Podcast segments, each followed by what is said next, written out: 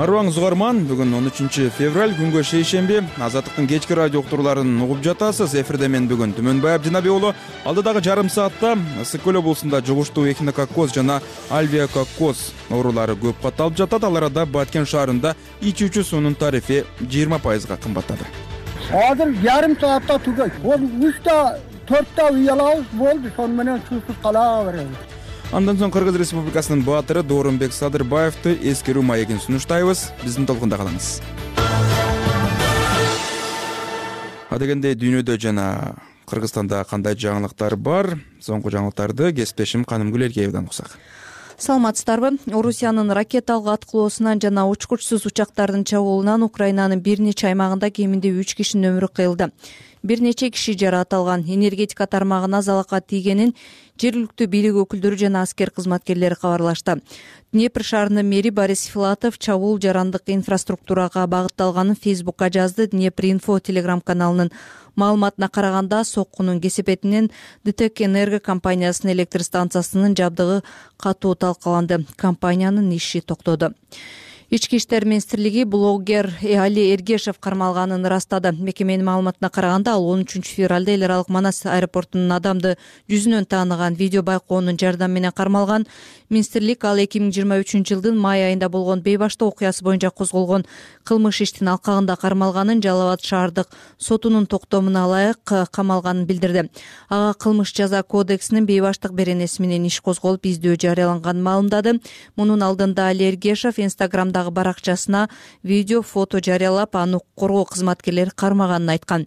Бул анын журналисттик ишмердиги менен байланыштуу экенин эч кандай мыйзам бузбаганын кошумчалаган эргешев ютубтагы эл билсин каналын иштетет жана бул долбоордун автору ал кыргызстандагы тамактануучу жайлардын санитардык абалы мамлекеттик мекемелердин калкка көрсөткөн кызматынын сапаты тууралуу видеолорду жарыялап келген каналдын жүз отуз миңге жакын катталуучусу бар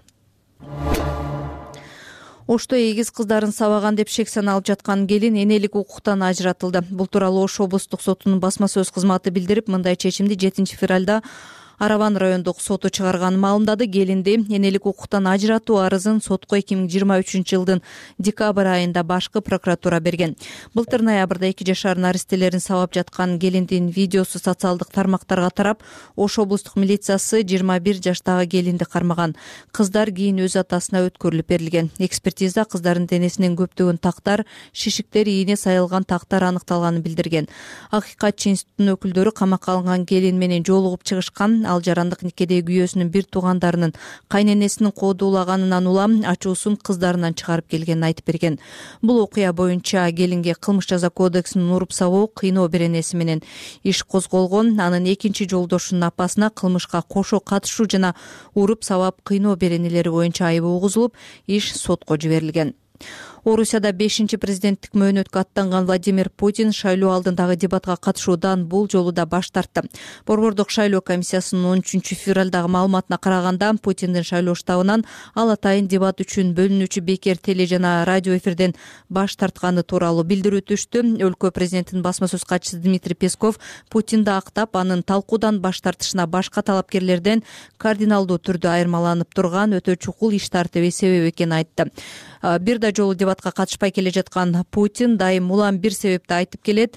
Бир жылдары ал атаандаштары менен дебатка чыгууну кызыксыз маанисиз уятсыз деп атаган ал эми песков путин менен тең тайлаша турган атаандаш али пайда боло электигин билдирген. Президенттик шайлоо орусияда он бешинчи он жетинчи март күндөрү өтөт. Талапкер болуп катталуу үчүн кол топтоо отуз биринчи январда аяктайт кыргызстандын президенти садыр жапаров он үчүнчү февралда дубай шаарында өткөн дүйнөлүк өкмөттөр саммитинде сөз сүйлөп кыргызстандыктар өнүгүүгө багытталган өзгөрүүлөрдү сезе баштаганын билдирди. Жапаровдун сүйлөгөн сөзү президенттин расмий сайтына жарыяланды. Биз туруктуу өнүгүү максаттарын ишке ашырууда жүз алтымыш алты өлкөнүн ичинен кырк бешинчи орунга чыктык. Эки миң отузунчу жылга чейин алдыңкы отуз өлкөнүн катарына кирүү ниетибиз бар деди жапаров. Мамлекет башчы кыргызстан эгемендик алган күндөн тартып башкаруунун ар кыл формаларында жашап көргөнүн өзү бийликке келген жыйырманчы жылдан баштап кайрадан президенттик башкаруу формасына кайтканын коррупцияга каршы күрөш жүргөнүн белгилеген. Президент жапаров дүйнөлүк өкмөттөр саммитине катышуу үчүн дубай шаарына иш сапары менен он экинчи февралда барган президенттин басма сөз кызматы мамлекет башчы саммитке бириккен араб эмирлигинин президенти шейх мухаммед бин заед аль нахаяндын чакыруусу менен кеткенин билдирген. Transparency international эл аралык уюмунун быйыл январдагы баяндамасына ылайык эки миң жыйырма үчүнчү жылы кыргызстан коррупциянын деңгээли боюнча бир баскычка артка кеткен евро биримдиктин борбор азия боюнча атайын өкүлү тери хаккала менен ооганстан боюнча өкүлү томас никлоссон кыргызстанга иш сапары менен келди. Бул тууралуу евро биримдиктин кыргызстандагы өкүлчүлүгү билдиргенде алар бишкекте өтө турган ооганстан боюнча жыйынга катышат. Мындан тышкары өкүлдөр кыргызстандын бийлик өкүлдөрү жана жарандык коом менен жолугушат. Кыргызстандын тышкы иштер министрлиги билдиргендей он төртүнчү февралда бишкекте евро биримдик жана борбор азиянын атайын өкүлдөрүнүн ооганстан боюнча жолугушуусу өтөт рахмат. Соңку жаңылыктарды каным гүлелкеевадан уксоңуз азаттыктын сайтында жана мобилдик тиркемесинде социалдык тармактарында башка жаңылыктар дагы чыгып турат. Биз эми уктуруубузду уланталы. Ысык көл облусунда жугуштуу эхинококоз жана альвеококоз оорулары көп катталып эпидемиологиялык кырдаал курчуп жатканы айтылууда соңку бир айда беш кишиден оору аныкталып отуз жаштагы келин каза болгон. Дарыгерлердин айтымында оору үй жаныбарларынан жугат жана анын белгилери илдет өтүшүп кеткенде гана билине баштайт. Ошондон улам кеч кайрылып боорун алмаштырууга аргасыз болгондор бар. Мурда кыргызстанда эхинококоз менен жылына болгону эки үч гана адам катталып келген болсо өткөн жылдан бери илдет күчөп сегиз жүзгө жеткени айтылып жатат. Ысык көлдөгү кабарчыбыз айсалкын качкынбекованын баяндамасы кара колдогу район аралык ооруларды алдын алуу жана мамлекеттик санэпидем көзөмөлдөө борборунун жетекчиси гүлүшкан тайлакова эки миң жыйырма төртүнчү жылдын январында эле эхинококоз жана альбиококоз ооруларынын беш учуру катталып баардыгы бишкек шаарынан операция болуп келишкенин билдирди. Алардын ичинен жети отуз жаштагы келин каза болуп калган. Келиндин жакындары ал орусиядан ноябрь айында эле келип текшерүүдөн илдетти билгенин айтып жатышат жукту же мышыктан жукту непонятный болуп калды да и каяктан жуккан ал балдар ал эссе моундайраак болуп бир жыл эки жыл болсо анда можно да изилдеп мындай байкап карасачы үйгө келип тигил бул ал тээ он эки жыл мурун жугуптур да алчы боорун боорун алып короче тазаламак да. Ал венасына өтүп кеткен да деди жакындарынын бири. Гүлүшкан тайлакованын айтымында кыргызстанда көпчүлүк жарандар үй жаныбарларын ветеринарга каратып турбайт. Маселен жок дегенде мите курттарга каршы дарыны да беришпейт деди ал үйдөгү ар бир киши үйүндө кармаган итти дегельментизация же болбосо ошо мете курттан арылтыш керек. Андан башка жолбун иттерди болушунча жок кылышыбыз керек. Мен жарандардан өтүнөр элем. Эгерде ошо ветеринардык кызматта азыр бекер берилүүчү дары жок болсо ветеринардык кызматтар менен сүйлөшүп канча канча дары беребиз кандай дары беребиз. Азыркы документтер боюнча квартал сайын өзүнүн үйүндөгү итке ошол дарыны бериш керек. Итке дарыны бергенде итти байлап коюш керек. Эки үч күн ошо эки үч күндөгү иттен чыккан заңды чогултуп дезинфекциялап хлорка менен көбүнчө болсо акиташ менен обработка кылып туруп туалетке салып же болбосо өрттөп салыш керек өткөн жылы дарыгерлер райондорду кыдырып узи аркылуу окуучуларды да текшерүүдөн өткөргөн. Анда отуз төрт окуучудан оорунун белгилери байкалган. Соңку жылдары кыргызстанда эхинококостон жабыркап операцияга баргандардын саны бир миңден ашууда. Алардын он беш пайызы он төрт жашка чейинки балдар. Айрым учурда төрт беш жашка чыгып калган кичинекей балдарда бул оору аныкталып каттоого алынууда алдын алуунун бирден бир жолу ооруну убагында аныктоо. Социалдык тармактарда боорун алмаштыруу операциясы үчүн жардам сурап элге кайрылган билдирүүлөр ондоп саналат. Ак суу райондук ооруканасында дарыланып жаткан кырк беш жаштагы мээримбек карабеков сегиз жылдан бери альбиококоз оорусу менен алышып келет. Ал ак суунун маман айылынын тургуну эки миң жыйырма үчүнчү жылы боорун алмаштыруу үчүн индияга барганы менен дарыгерлер ал кечигип калганын айтып бооруна стенд салып кетиришкен. Судан эме анализ тапшырып эле ошондон башталды. Эсим ооп калтырап эле жүрө берчү саргарып баштагам кыргызстандын дарыларын ичип жүрдүм. Кыргызстандын альбиндозолун ичип жүрүп кайра күчөт. Индияга барбасаң перевязка кылып алса болбойт деди. Анан индияга акча чогултуп антип мынтип анан бардым. Андагы алар дагы айтышты өпкөнүн да бурчун жеп коюптур. Пересадкага да невозможно болуп калып көтөрө да албайсың бул. Пересадка кылган дагы өпкөдөн кайра чакап өтөт. Жаңы боор салган да. Боордун ичине өзүнчө дагы эки тамыр салышты. Стенд трубкаларды салышты. Азыр ошону менен жүрөм бирок мурункудай эмес да. Жыл башынан бери каракол шаарында жолбун иттерди атып жатышат. Тазалык кызматынын жетекчиси муну эхинококос оорусунун күч алышы менен түшүндүрдү.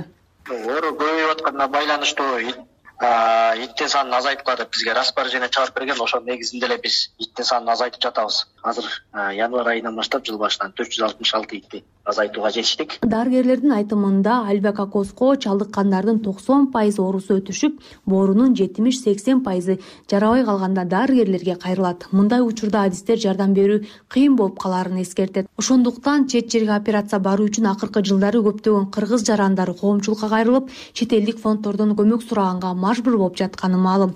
Азыркы тапта индия туркия өңдүү өлкөлөргө барып боорду алмаштыруу чоң каражатты талап кылат айсалкын качкынбекова азаттык ысык көл. Уктуруубузду аймактагы темалар менен уланталы баткен шаарында ичүүчү суунун тарифи жыйырма пайызга кымбаттады. Баткен таза суу муниципалдык мекемеси суунун тартыштыгын кыскартып электр энергиясы жана жумушчулардын эмгек акысын жабуу үчүн бааны кымбаттатууга мажбур болгонун түшүндүрдү. Баткендиктер сууга тариф кымбаттаганы менен ичүүчү суу толук берилбей жатканына нааразы. Баткен шаарын суу менен камсыздоо үчүн эки миң он алтынчы жылы европа реконструкциялоо жана өнүктүрүү банкы беш миллион эки жүз миң евро каражат бөлгөн. Долбоор аяктаганы менен элге убадаланган суу чыккан жок. Жеңиш айдаров баяндайт очередка турам мына анан эмне кылам азыр саат он бирде чыккан болсо жарым саатта жарым саат ашыгы менен ашыгы менен алам кээ бирде жыйырма мүнөт чыгарып өчүрүп коет да өчөшүп атасыңбы деп мен шааркомго дагы айттырдым.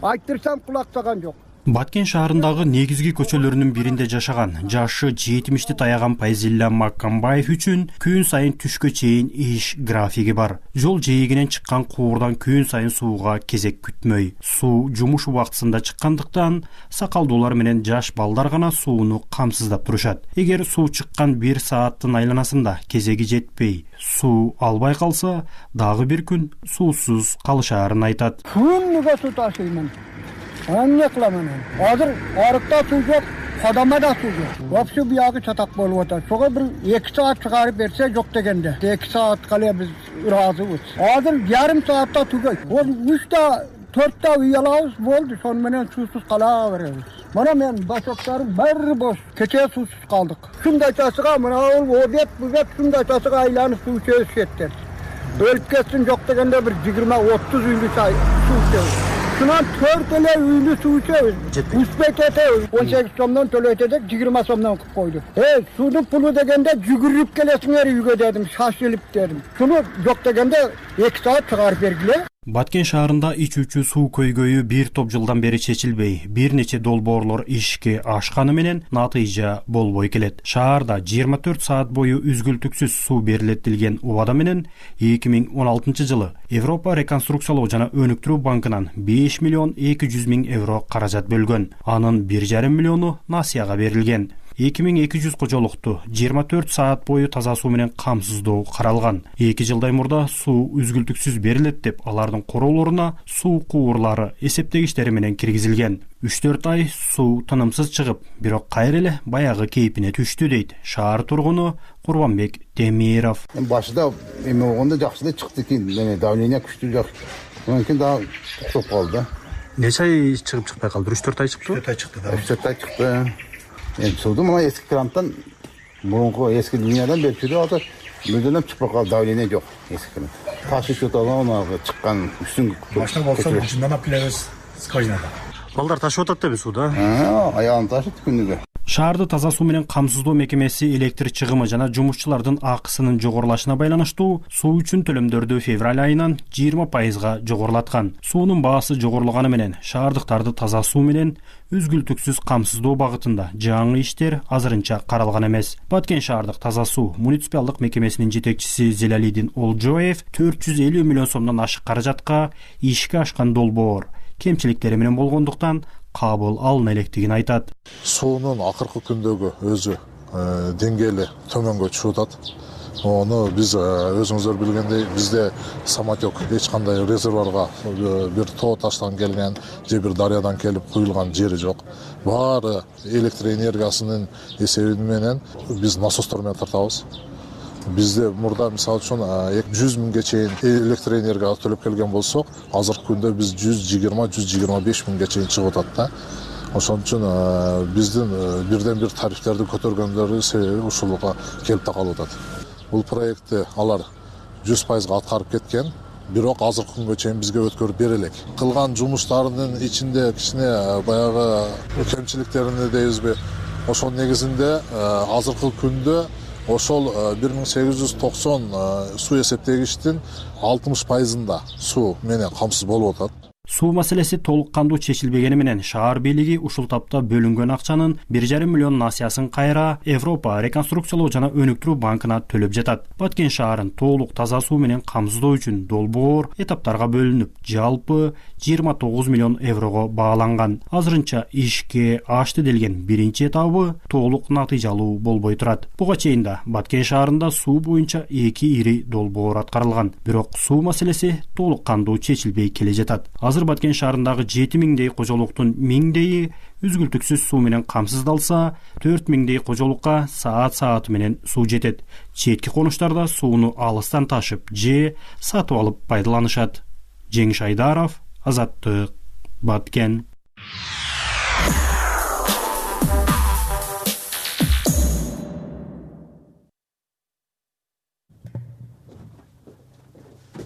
азаттыктын кечки берүүлөрүн угуп жатасыз эми уктуруубузду бүгүн кыргыз республикасынын баатыры доорунбек садырбаевдин көзү тирүү болсо ал сексен беш жашка толмок. Ал кино дүйнөсүндө эле эмес өлкөнүн саясий коомдук турмушунда калыс сөзү оппозициянын маанайы менен айырмаланган инсан болгон.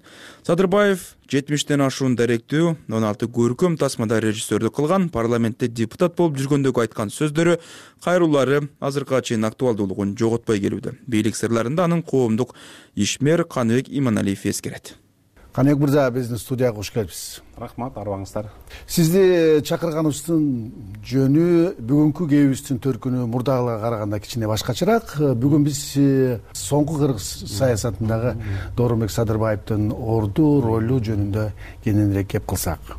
Биринчиден э, акыркы биз эгемен өлкө болгондон бери эми ар бир таанымал инсан тарыхта калгысы келет.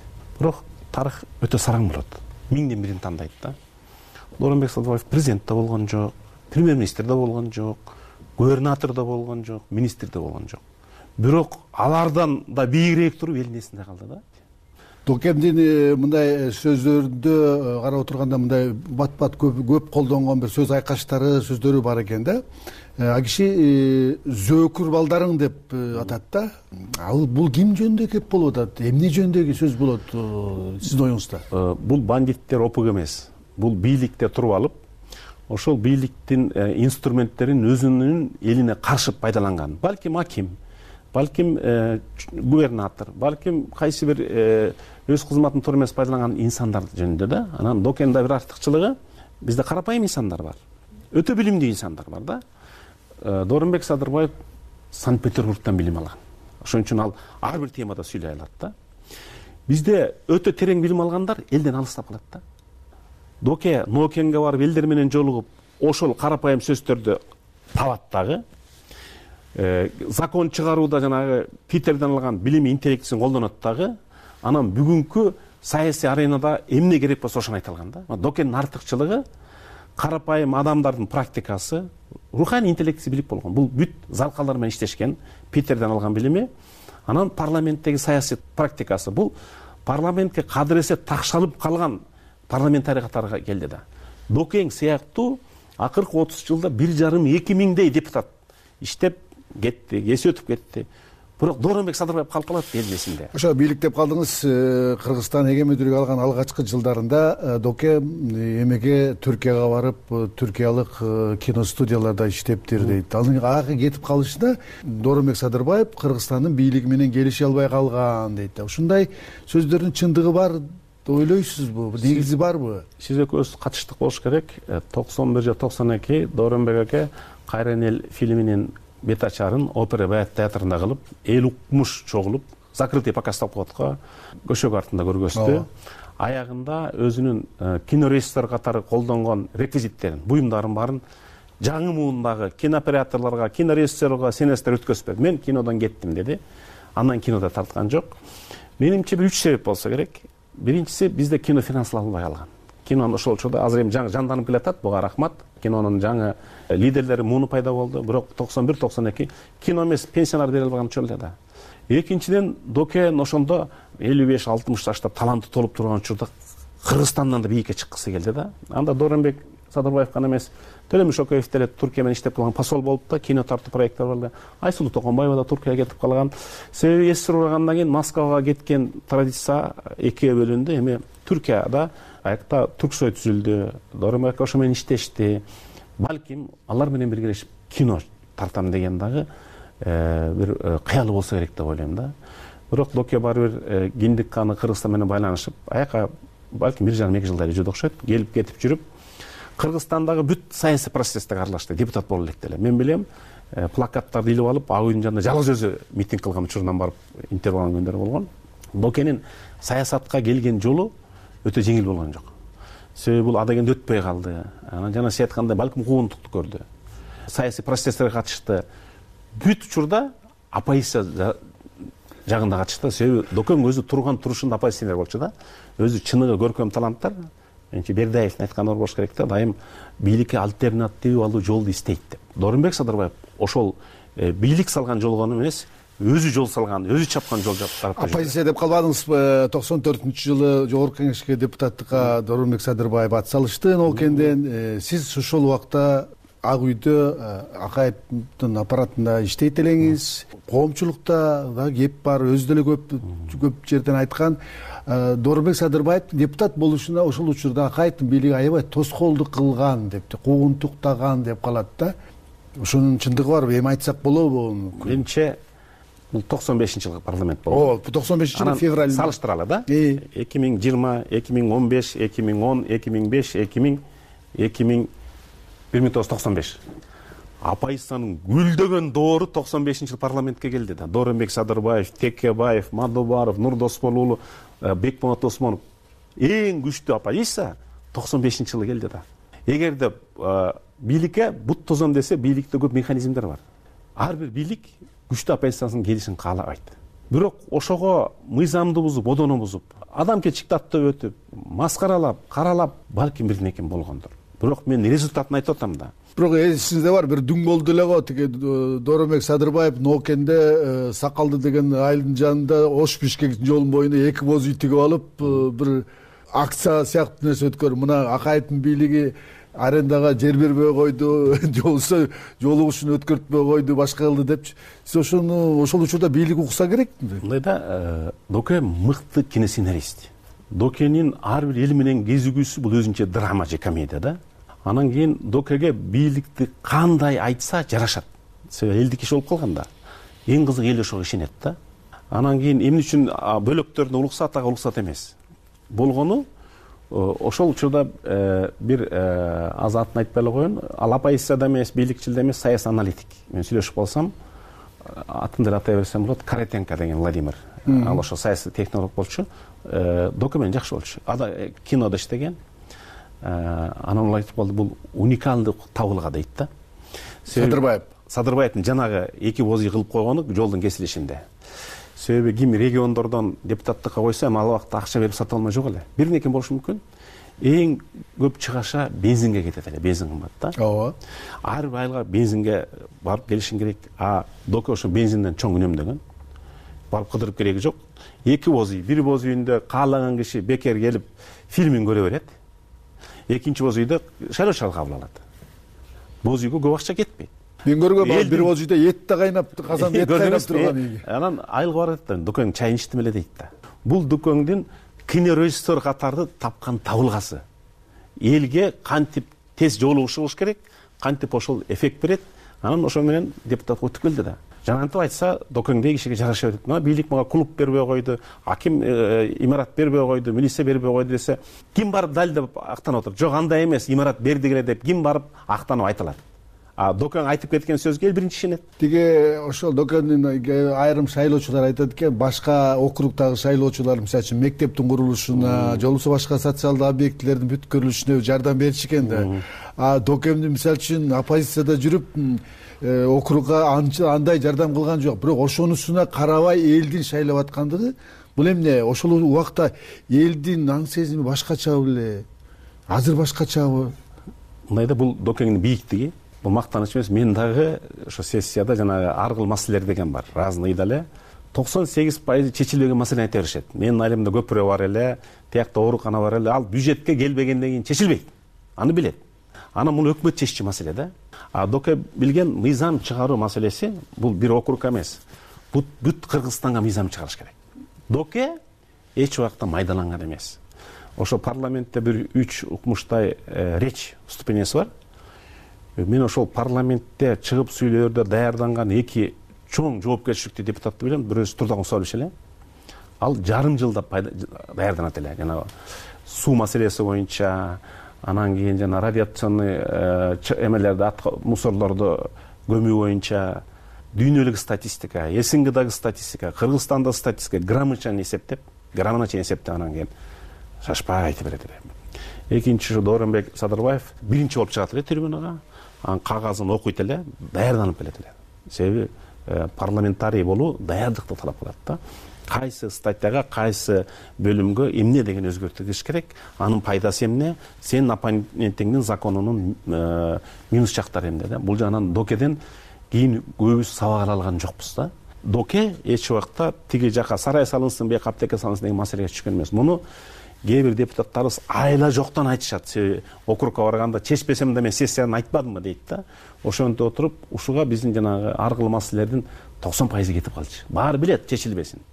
Анан барып эле чече турган киши өзү тиги президенттин же өкмөттүн парламенттин өкүлүн айта берет. Ал өкүлдүн маалымат бергенден башка укук балланмачусу жок да. Доке ошону көрө билген да доке жанагы жеңил желпи нерседи убада кылган эмес эми бул сөздү уят жок э, мурдуңа бок сүйкөлгөн кыргызым деп көп айтып атат да. Муну сиз кандай түшүнөсүз? Биз кандай түшүнүшүбүз керек өзү? Бул бир э, коомчулуктун бир дары муну өз элин шылдыңдап атат деп да түшүнүп аткандар бар. Мындай да ошо дооронбек акенин да жакын досу бар эле саржан жигитов. Экөөнө еврейлердин эң күчтүүлүгү өзүлөрү жөнүндө анекдоттор чыгарат да. Э, жана бердаев николай бердаев кийинки достоевскийлер деле кыйыр түрдө өзүнүн элин абдан сындаган. Өз урутуңду мактай да бербей чыгарма аркылуу э, кандай бир гипербола аркылуу пародия аркылуу драма аркылуу эң уникалдуу чыгарма кыргызстанда. Салижан жигитовдун кыргыз маданиятына чыккан жогорку кеңештин сессиясы деген памфлети. Андан кийин андай чыгарма жарата элек да. Ошо депутаттардын фамилиясын атын которуп жазып койгон. Докенин акыркысы биз эки миң беште катышканда жанагы митинг кылган аялдар бир учурда ушинтип жашап калдык да. Парламентти уюшулган аялдар эмеге алып алат э, барымтага ар кайсы эшикте э, эме менен чабат баштыгы менен чабат анан сессиядан чыгаарда терезеден карачы баягы аялдар жок бекен деп чыгып калдык да. Бир жолкусунда бирок дооронбек ака менен чогуу баратып эмеде калдык биз дагы барымтада пленде калдык. Алты жети аял таш бараң калдык таш бараң калдык. Ичинде байболов бар мен бар сарпашев бар төрт беш депутат. Анан ошондо да доке жол таап кетти да эме кырына келдик ак үйдүн берки э, борбор янчы жанында анан аялдар бизди курчап калды. Анан дооронбек ака таягын көтөрүп туруп садырбаев кетсин деди өзүнө өзү аялдар да садырбаев кетсин! десе мен анда кеттим! деп алып бизди эчтеп албай эле кетип калды да. Караңгыдан көз тапкан капилеттен сөз тапкан деген ошо да. Бир депутаттын галстугун айырып кетишти. Бирөөнүн э, көйнөгүн бул эми жөнөкөй адамдар үчүн эрдик катары болот кимдер үчүн. Бирок бул эми шылдың ал адамды өзүң шайлагансың. Ал депутат болбосо деле адам да инсан да. Ал саясат аябай жакшылап алып келген жок да ошолорду доке обон деп атады. Э, отряд баб особое назначение. Омон деген бар эле го. Ал милицияныкы омон деген. Ошондон кийин кыргызстанга омончулар деп жазылып кетти. Маңкуртбегимин деген ыры бар. Э, гуманоид деген жери бар. Дежурчалдар деген терминди дагы э, докен киргизди да ошол саясатта бир жаңы терминдер болсо сиз айткан. Ар ким ар кандай кабыл алышы мүмкүн. Бирок э, элге тараган сөз элдик лексиконго кирип кеткенден кийин кайтарып ала албайсың. Ошондой докенин бир жети сегиз сөзү бар. А жана сиз айткан сөз эми бетиңде жанагындай өзүңдү уят кылган так турса да ошол жерден жүрө бересиңби уялбайсыңбы деген намыска чакырган сөз да. Өтө уят сөз. Бирок докең айтып жарашып ошону уккан адам жыйынтык чыгарса бул туура сөз. Урматтуу угарман сиз кыргыз республикасынын баатыры дооронбек садырбаевди эскерүү маегин уктуңуз ага коомдук ишмер каныбек иманалиев э, катышып ой бөлүшкөн. Аны менен бакыт орунбеков э, маектешкен. Биз ушуну менен азаттыктын кечки берүүлөрүн жыйынтыктайбыз. Аны бишкектен мен түмөнбай абдинаби уулу алып бардым. Кечиңиздер көңүлдүү улансын. Аман туруңуздар